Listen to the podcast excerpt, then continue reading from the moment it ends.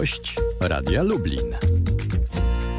16,5 minuty po, godzinie, po godzinie 8. Tomasz nie śpiał przed mikrofonem, a gościem Radia Lublin jest profesor Mieczysław Ryba, historyk, politolog z Katolickiego Uniwersytetu Lubelskiego. Dzień dobry. Dzień dobry. Komisja Europejska chce zawieszenia działania Izby Dyscyplinarnej Sądu Najwyższego. Stanie się tak, jeśli Trybunał Sprawiedliwości w Luksemburgu przyjmie wniosek unijnych komisarzy. Dlaczego Komisja Europejska mm, pozostaje głucha na e, apele i na e, twierdzenia polskich władz, polskiego rządu, że to, że organizacja sądownictwa jest to wyłączna kompetencja i gestia państw członkowskich? Oczywiście jest pewna przyczyna w tym, że raz za razem do tej komisji udają się ludzie polskiej opozycji. I chyba nie ma takiego kraju w Unii, gdzie by takie skargi nieustannie padały, a rzeczy dzieją się bardzo różne. Ale druga przyczyna jest taka, że inaczej się traktuje Polska, a inaczej kraje wielkie w Unii, bo proszę zwrócić uwagę. No mieliśmy mieć, e, czy był taki wniosek e, polskiej eurodeputowanej, żeby była debata w Parlamencie Europejskim na temat praworządności we Francji, gdzie była użyta przemoc wobec obywateli, wobec prawników. Taki wniosek pani poseł Beaty Kempy został odrzucony. No to właśnie dokładnie ilustruje całą sytuację. Taki wniosek był potrzebny. Ja powiem szczerze, byłem w 100% przekonany, że on odrzucony zostanie, bo inaczej się traktuje Francję, czy rząd francuski, a inaczej rząd polski. Pytanie jest Chociaż komu... pamiętamy prezydenta Macrona, który mówił yy, i groził też yy, Polsce między innymi utratą unijnych yy, pieniędzy właśnie za sprawy związane z praworządnością. Czy dobrze jest, to, to porównanie z Francji Polski jest dobre. Dlaczego? Ponieważ w Unii o co toczy się gra? No tu trzeba to opisać i twardo zawsze opisywać, a nie tam wszystkimi tymi hasłami czy okrągłymi słowy. E, w Unii toczy się po prostu gra o interesy i teraz w różnych rozwiązaniach, w różnych konfiguracjach e, taki kraj jak Francja nie jest w stanie odbić się od swojego własnego kryzysu e, bez pewnych zysków, pewnych możliwości wyzyskania krajów mniejszych wewnątrz Unii. Dlaczego? ponieważ wewnętrzne reformy są niemożliwe, są zblokowane przez własne społeczeństwo, no, traktowane nieraz bardzo brutalnie, ale kogo to obchodzi? E, więc trzeba na sposób taki troszkę kolonialny, tam jest ta mentalność kolonialna, gdzieś szukać tych zysków zewnętrznie, no skoro się reformować własnej gospodarki nie bardzo da. I w tym sensie chaos w Polsce, bo po co jest ta e, Izba Dyscyplinarna, czy po co jest e, to dyscyplinowanie sędziów? No jeśli doszliśmy do takiego stanu, że jedni sędziowie nie uznają drugich. Ze względu na to, że iż twierdzą, jakoby byli źle powołani, a ci, nie wiem, z PRL-u dobrze albo coś takiego. No. De facto podważają kompetencje prezydenta. E, to raz. Dwa, wprowadzają niewyobrażalny chaos w przestrzeń orzecznictwa sądowego, a jeśli tu mamy chaos w władzy sądowniczej, no trudno mówić, że taki kraj będzie się rozwijał no, dobrze, nawet w sferze gospodarczej. On stwarza pewne poczucie niebezpieczeństwa, e, braku przejrzystości reguł we wszelkich dziedzinach życie. W związku z czym no, władza ustawodawcza no, dla, yy, próbuje to jak gdyby porządkować na sposób analogiczny jak w wielu innych krajach. Co to jest władza ustawodawcza? Jaki ma mandat? No suwerena który wybrał prawda, przedstawicieli. Jaki mają mandat sędziowie do tego, żeby tworzyć prawo? Bo w istocie tworzą prawo. No żaden.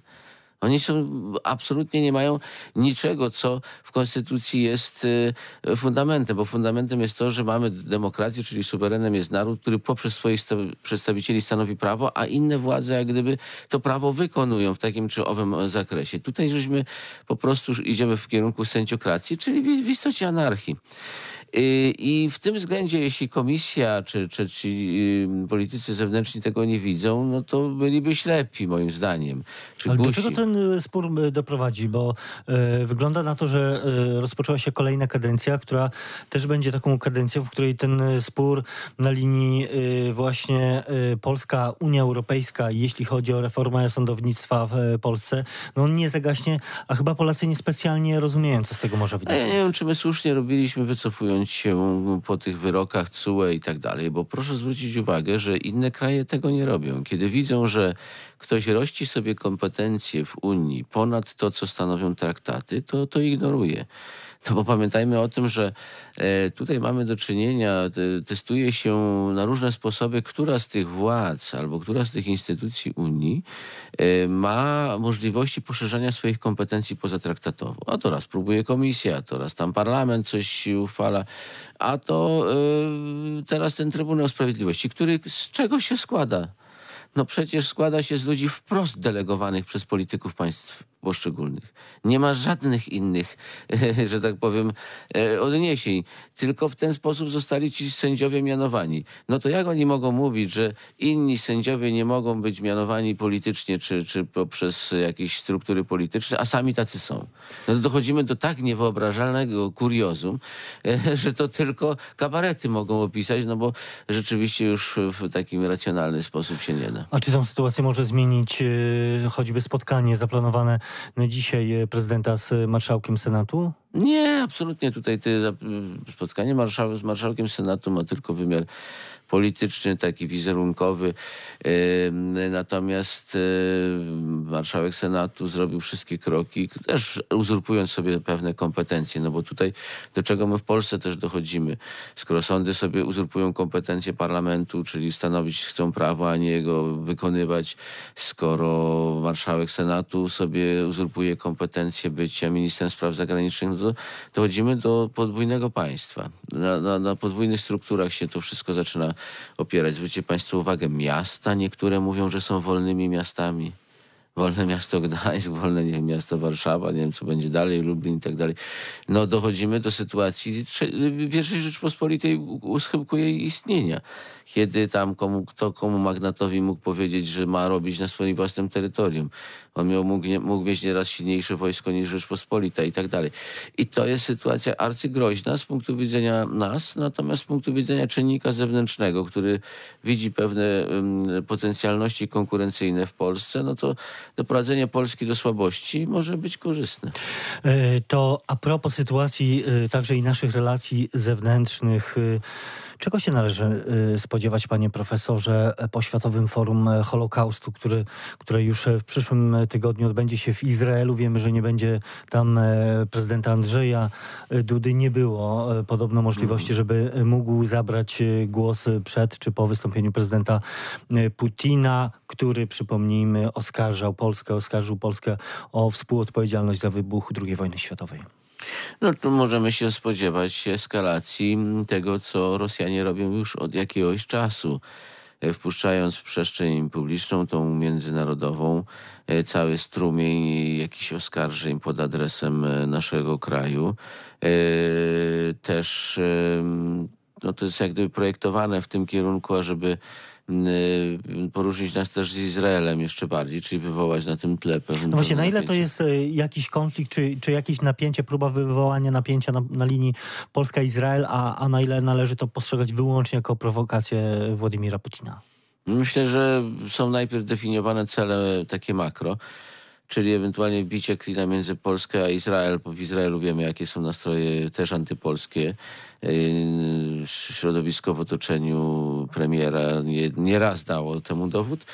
A jeśli między Polską a Izraelem, no to między Polską a Stanami Zjednoczonymi. No to cel max. A minimum no to jest taki, że do wewnątrz jest bardzo jasny przekaz My tutaj, prawda, wyzwoliliśmy Europę, mówię o Sowietach, y, pokonaliśmy Hitlera i tak dalej, a tutaj winą za wszystko walczymy Polskę. No tak jak w 1939, no to nic inaczej.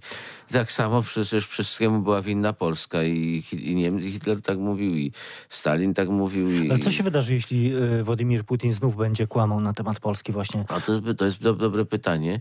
Jak zareaguje Angela Merkel? Notabene kontynuatorka w sensie linii państwowej no, do tego, tej trzeciej Rzeszy. No przecież oni nie, nie, nie odcinają się tego, od tego, tej odpowiedzialności za te wszystkie zbrodnie, przynajmniej w Polsce jak są. Y, co powie, no, prawda, y, Benjamin Netanyahu albo ktoś z innych polityków izraelskich, to będziemy widzieć.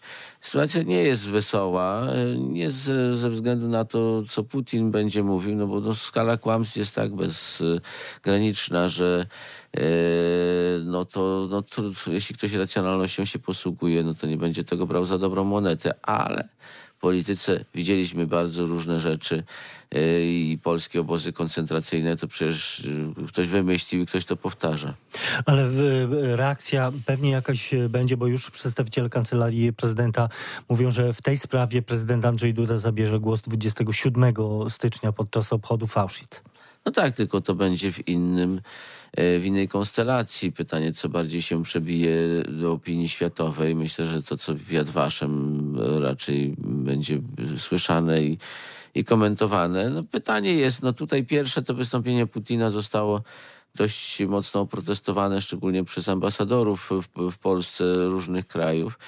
E, czy tak będzie teraz e, w Jadwaszem? No zobaczymy. Ja bym nie chciał być tutaj wyrocznią, bo mówię, nie, nie różne rzeczy żeśmy słyszeli, to nie tylko ze wschodu, ale i z zachodu na nasz temat.